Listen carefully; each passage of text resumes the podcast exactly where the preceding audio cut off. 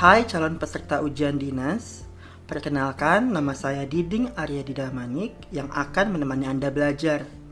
Semoga bermanfaat. Yuk kita mulai. Sekarang kita akan masuk ke materi F, Ketentuan Organisasi Kementerian Keuangan.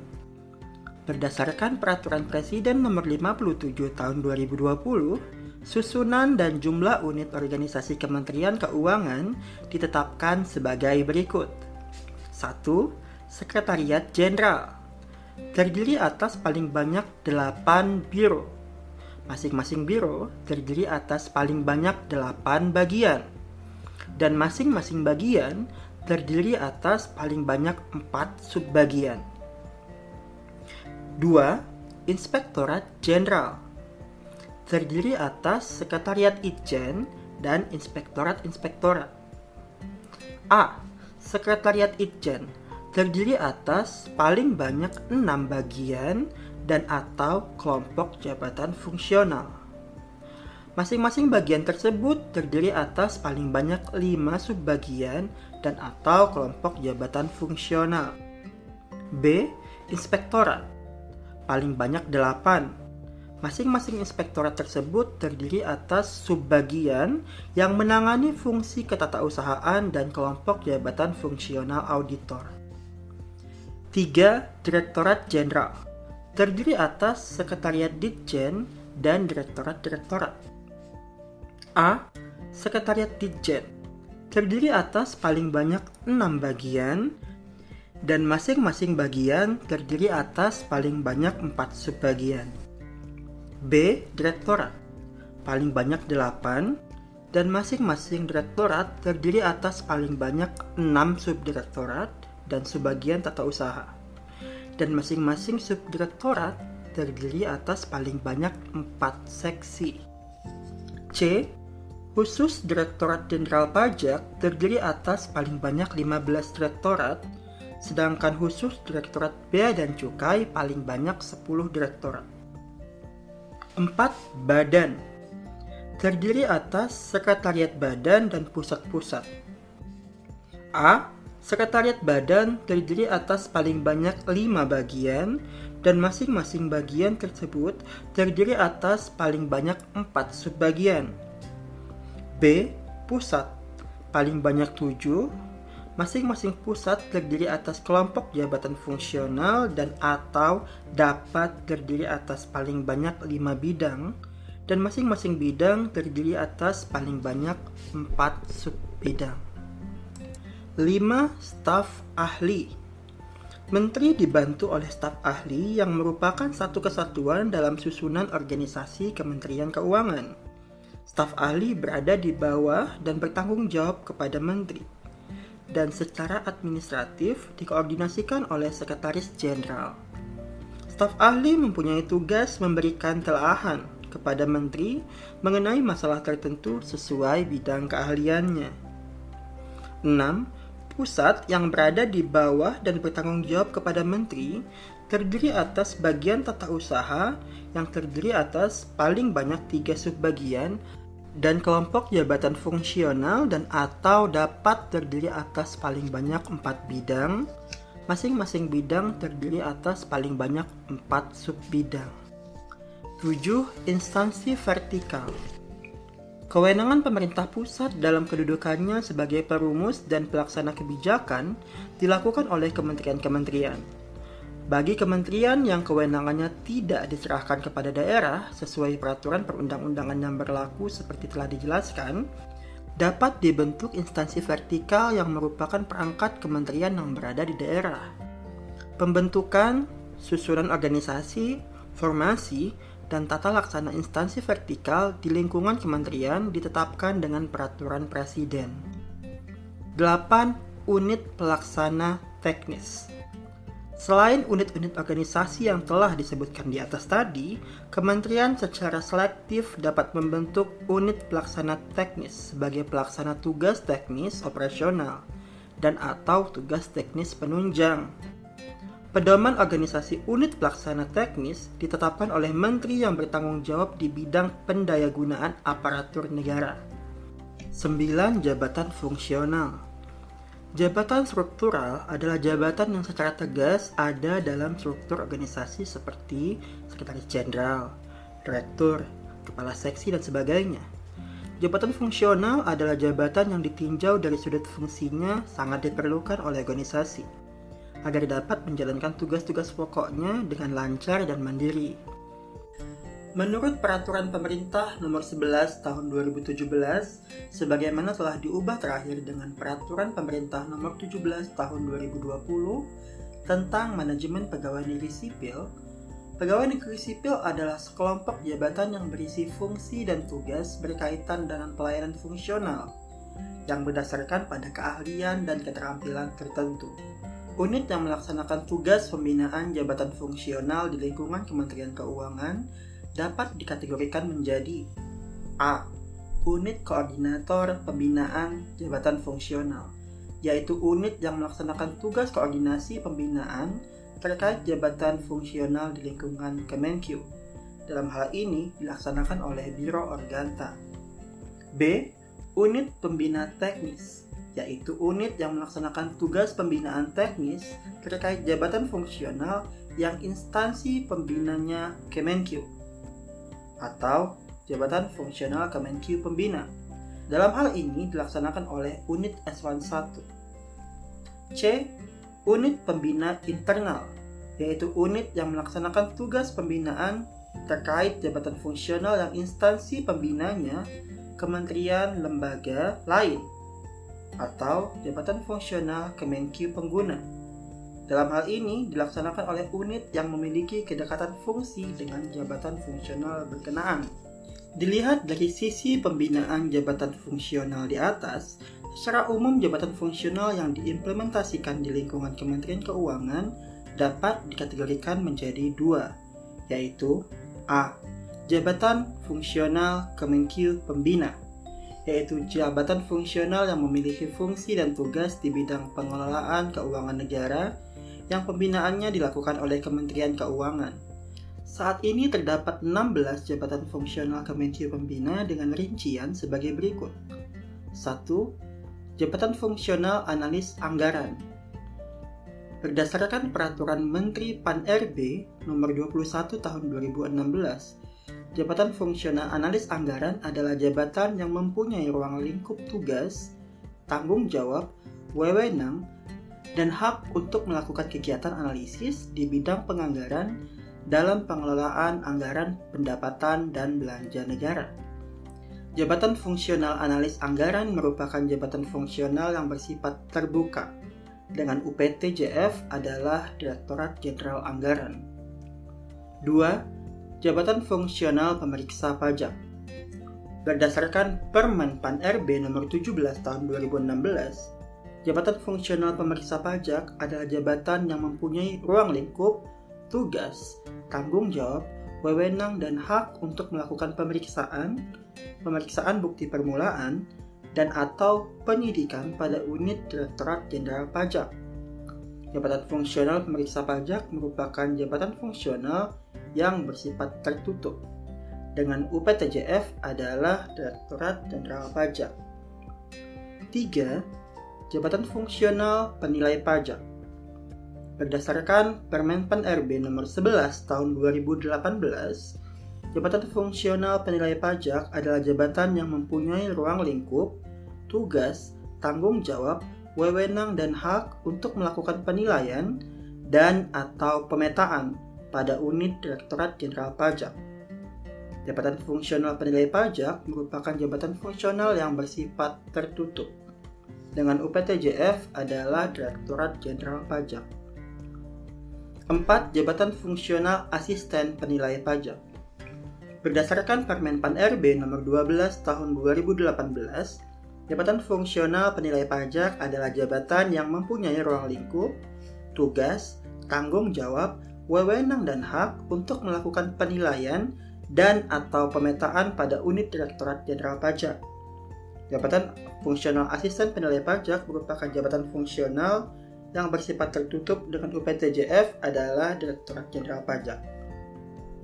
5. Jabatan fungsional penyuluh pajak Berdasarkan Permenpan RB nomor 49 tahun 2020, jabatan fungsional penyuluh pajak adalah jabatan yang mempunyai ruang lingkup, tugas, tanggung jawab, wewenang, dan hak untuk melakukan penyuluhan perpajakan. Jabatan fungsional penyuluh pajak merupakan jabatan fungsional yang bersifat tertutup.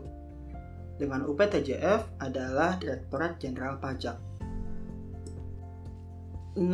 Jabatan Fungsional Asisten Penyuluh Pajak Berdasarkan Permenpan RB nomor 50 tahun 2020, Jabatan Fungsional Asisten Penyuluh Pajak adalah jabatan yang mempunyai ruang lingkup, tugas, tanggung jawab, wewenang, dan hak untuk melakukan penyuluhan perpajakan.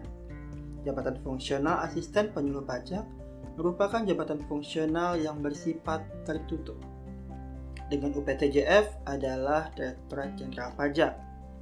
7.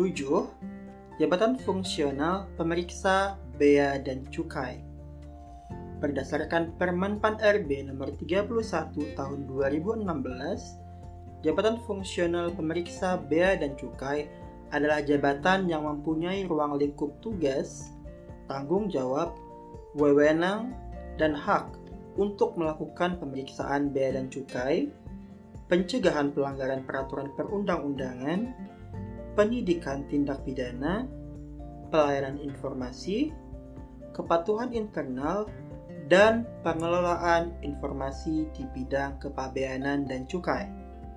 Jabatan fungsional pemeriksa bea dan cukai merupakan jabatan fungsional yang bersifat tertutup. Dengan UPTJF adalah Direktorat Jenderal Bea dan Cukai. 8. Jabatan Fungsional Analis Pengelolaan Keuangan APBN Berdasarkan Permenpan RB nomor 53 tahun 2018, Jabatan Fungsional Analis Pengelolaan Keuangan APBN adalah jabatan yang mempunyai ruang lingkup, tugas, tanggung jawab, wewenang, dan hak untuk melakukan kegiatan analisis di bidang pengelolaan APBN pada Satuan Kerja Kementerian Negara atau lembaga sesuai kewenangan dan peraturan perundang-undangan. Jabatan Fungsional Analis Pengelolaan Keuangan APBN merupakan jabatan fungsional yang bersifat terbuka dengan UPTJF adalah Direktorat Jenderal Perbendaharaan. 9. Jabatan Fungsional Peranata Keuangan APBN Berdasarkan Permenpan RB nomor 54 tahun 2018, Jabatan Fungsional Peranata Keuangan APBN adalah jabatan yang mempunyai ruang lingkup tugas, tanggung jawab, wewenang dan hak untuk melakukan kegiatan pengelolaan keuangan APBN pada satuan kerja Kementerian Negara Lembaga sesuai kewenangan dan peraturan perundang-undangan. Jabatan fungsional Pranata Keuangan APBN merupakan jabatan fungsional bersifat terbuka dengan UPTJF adalah Direktorat Jenderal Perbendaharaan. 10. Jabatan Fungsional Analis Perbendaharaan Negara Berdasarkan Permenpan RB nomor 52 tahun 2018, Jabatan Fungsional Analis Perbendaharaan Negara adalah jabatan yang mempunyai ruang lingkup tugas, tanggung jawab, wewenang, dan hak untuk melaksanakan analisis pelaksanaan anggaran, pengelolaan kas negara, sistem manajemen investasi, pembinaan pengelolaan keuangan Badan Layanan Umum, laporan keuangan bendahara umum negara, dan pembinaan pengelola perbendaharaan. Jabatan fungsional analis perbendaharaan negara merupakan jabatan fungsional yang bersifat tertutup. Dengan UPTJF adalah Direktorat Jenderal Perbendaharaan. 11. Jabatan fungsional pembina teknis perbendaharaan negara Berdasarkan Permenpan RB nomor 51 tahun 2018, jabatan fungsional pembina teknis perbendaharaan negara adalah jabatan yang mempunyai ruang lingkup, tugas, tanggung jawab, wewenang, dan hak untuk melakukan pembinaan atau bimbingan teknis di bidang perbendaharaan negara. Jabatan fungsional pembina teknis perbendaharaan negara merupakan jabatan fungsional yang bersifat tertutup dengan UPTJF adalah Direktorat Jenderal Perbendaharaan. 12. Jabatan Fungsional Pelelang Berdasarkan Permenpan RB nomor 43 tahun 2014, jabatan fungsional pelelang adalah jabatan yang mempunyai ruang lingkup tugas, tanggung jawab, dan wewenang untuk melaksanakan lelang dalam lingkup instansi pemerintah. Jabatan fungsional pelelang merupakan jabatan fungsional yang bersifat tertutup. Dengan UPTJF adalah Direktorat Jenderal Kekayaan Negara. 13. Jabatan Fungsional Penilai Pemerintah Berdasarkan Permenpan RB nomor 18 tahun 2016, jabatan fungsional penilai pemerintah adalah jabatan yang mempunyai ruang lingkup tugas, tanggung jawab, wewenang, dan hak untuk melakukan kegiatan di bidang penilaian properti dan atau bisnis sesuai dengan ketentuan peraturan perundang-undangan. Jabatan fungsional penilai pemerintah merupakan jabatan fungsional yang bersifat terbuka. Dengan UPTJF adalah Direktorat Jenderal Kekayaan Negara. 14. Jabatan Fungsional Penata Laksana Barang Berdasarkan Permenpan RB nomor 23 tahun 2018, Jabatan Fungsional Penata Laksana Barang adalah jabatan yang mempunyai ruang lingkup tugas, tanggung jawab, wewenang, dan hak untuk melaksanakan kegiatan pengelolaan barang milik negara ataupun daerah sesuai dengan ketentuan perundang-undangan. Jabatan fungsional penata laksana barang merupakan jabatan fungsional yang bersifat terbuka. Dengan UPTJF adalah Direktorat Jenderal Kekayaan Negara. 15. Jabatan Fungsional Analis Keuangan Pusat dan Daerah berdasarkan Permen Pan RB nomor 43 tahun 2014. Jabatan Fungsional Analis Keuangan Pusat dan Daerah adalah jabatan yang mempunyai ruang lingkup tugas, tanggung jawab, dan wewenang untuk melaksanakan kegiatan keuangan pusat dan daerah dalam lingkungan instansi pusat dan daerah. Jabatan fungsional analis keuangan pusat dan daerah merupakan jabatan fungsional yang bersifat terbuka dengan UPTJF adalah Direktorat Jenderal Perimbangan Keuangan. 16. Jabatan Fungsional Analis Pembiayaan dan Risiko Keuangan Berdasarkan Permenpan RB nomor 50 tahun 2018, Jabatan Fungsional Analis Pembiayaan dan Risiko Keuangan adalah jabatan yang mempunyai ruang lingkup tugas, tanggung jawab, wewenang dan hak untuk melaksanakan kegiatan analis di bidang pengelolaan pembiayaan dan risiko keuangan. Jabatan fungsional analis pembiayaan dan risiko keuangan merupakan jabatan fungsional yang bersifat tertutup. Dengan UPTJF adalah Direktorat Jenderal Pengelolaan Pembiayaan dan Risiko. Sekarang kita masuk di poin B, yaitu jabatan fungsional Kemenkyu Pengguna. Adalah jabatan fungsional yang digunakan oleh Kementerian Keuangan yang pembinaannya dilakukan oleh kementerian atau lembaga lainnya. Pada awal tahun 2021, terdapat 19 jenis jabatan fungsional Kemenkyu pengguna yang sudah diimplementasikan dengan rincian sebagai berikut. Baik Bapak Ibu, sekarang kita menemukan ilustrasi tabel yang menjelaskan rincian jabatan fungsional Kemenkyu pengguna. Silakan Bapak Ibu akses modulnya dan pahami maksudnya. Baik, kita lanjut ya. Nomor 10 adalah staf khusus. Berdasarkan peraturan Presiden nomor 57 tahun 2020 tentang Kementerian Keuangan, di lingkungan Kementerian Keuangan dapat diangkat paling banyak lima orang staf khusus menteri yang bertugas bertanggung jawab kepada Menteri Keuangan Staf khusus menteri mempunyai tugas memberikan saran dan pertimbangan kepada menteri sesuai penugasan menteri dan bukan merupakan bidang tugas unsur-unsur organisasi Kementerian Keuangan. Staf khusus menteri dapat berasal dari PNS atau dapat berasal dari selain PNS dengan masa bakti paling lama sama dengan jabatan menteri.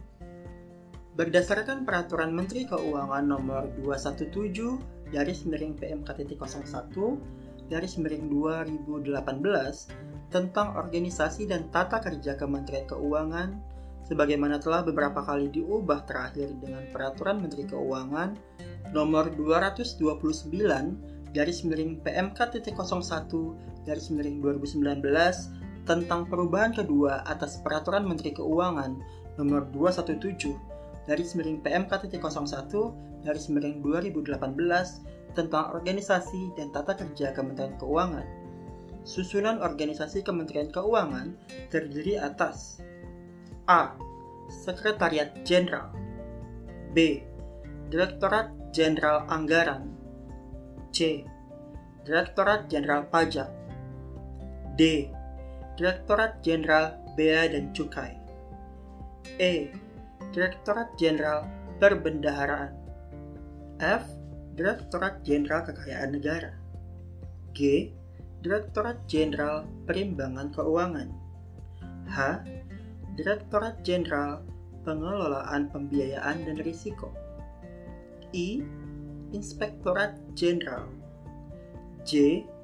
Badan Kebijakan Fiskal K. Badan Pendidikan dan Pelatihan Keuangan L staf ahli bidang peraturan dan penegakan hukum pajak. M. Staf ahli bidang kepatuhan pajak. N. Staf ahli bidang pengawasan pajak. O. Staf ahli bidang penerimaan negara. P. Staf ahli bidang pengeluaran negara. Q. Staf ahli bidang ekonomi makro dan keuangan internasional. R. Staf ahli bidang jasa keuangan dan pasar modal. S. Staf ahli bidang organisasi, birokrasi, dan teknologi informasi. T. Staf ahli bidang hukum dan hubungan kelembagaan. U. Pusat Sistem Informasi dan Teknologi Keuangan. V Pusat Pembinaan Profesi Keuangan, dan W. Pusat Analisis dan Harmonisasi Kebijakan. Baik Bapak Ibu, kita masuk ke materi berikutnya yaitu G. Tata Kerja Kementerian. Dalam rangka penyelenggaraan tugas-tugas pemerintahan, tujuan atau sasaran yang harus dicapai oleh pemerintah selalu memerlukan kegiatan-kegiatan yang menyangkut tugas atau fungsi lebih dari satu kementerian. Dengan perkataan lain, setiap tujuan atau sasaran yang harus dicapai oleh pemerintah perlu dilaksanakan dengan pendekatan multifungsional. Artinya bahwa setiap permasalahan harus dipandang dari fungsi berbagai kementerian yang terlibat di dalamnya. Ini berarti bahwa setiap pelaksanaan tugas-tugas pemerintahan dan pembangunan wajib mengikut sertakan berbagai kementerian yang terlibat. Tata kerja adalah cara-cara pelaksanaan kerja yang seefisien mungkin atas sesuatu tugas dengan mempertimbangkan segi-segi tujuan, peralatan, fasilitas, tenaga kerja, waktu, ruang, dan biaya yang tersedia. LAN 1997B Secara umum, Pengaturan di bidang tata kerja, prosedur kerja adalah sebagai berikut. 1. Setiap pimpinan instansi pemerintah wajib menerapkan prinsip koordinasi, integrasi, dan sinkronisasi baik dalam lingkungan instansi masing-masing maupun instansi lain. Yang kedua, setiap pimpinan satuan organisasi bertanggung jawab memimpin dan mengoordinasikan bawahannya masing-masing dan membimbing serta memberikan petunjuk bagi pelaksanaan tugas bawahannya. 3. Setiap pemimpin satuan organisasi wajib mengikuti petunjuk-petunjuk dan bertanggung jawab kepada atasan masing-masing dengan menyampaikan laporan berkala tepat pada waktunya. 4. Setiap pimpinan organisasi wajib mengolah dan memanfaatkan laporan-laporan lebih lanjut untuk bahan pengambilan keputusan penyusunan laporan lebih lanjut dan memberikan petunjuk-petunjuk kepada bawahannya. 5. Dalam menyampaikan suatu laporan, setiap satuan organisasi wajib memberikan tembusan kepada satuan organisasi lainnya yang secara fungsional mempunyai hubungan kerja. Sehubungan dengan itu, dalam rangka pelaksanaan tugas-tugas pemerintahan maupun dalam rangka menggerakkan pelaksanaan tugas-tugas pembangunan, kegiatan berbagai kementerian perlu dipadukan, diserasikan, dan diselaraskan. Hal ini penting untuk mencegah timbulnya tumpang tindih, kekakuan, dan kesimpang siuran atau adanya tugas-tugas yang tidak tertangani. Oleh karena itu, dalam melaksanakan tugas, fungsi, dan kewenangannya, menteri yang memimpin kementerian harus berkoordinasi dan saling berkonsultasi sesama menteri negara, pimpinan lembaga pemerintah non-kementerian, dan pimpinan lembaga terkait.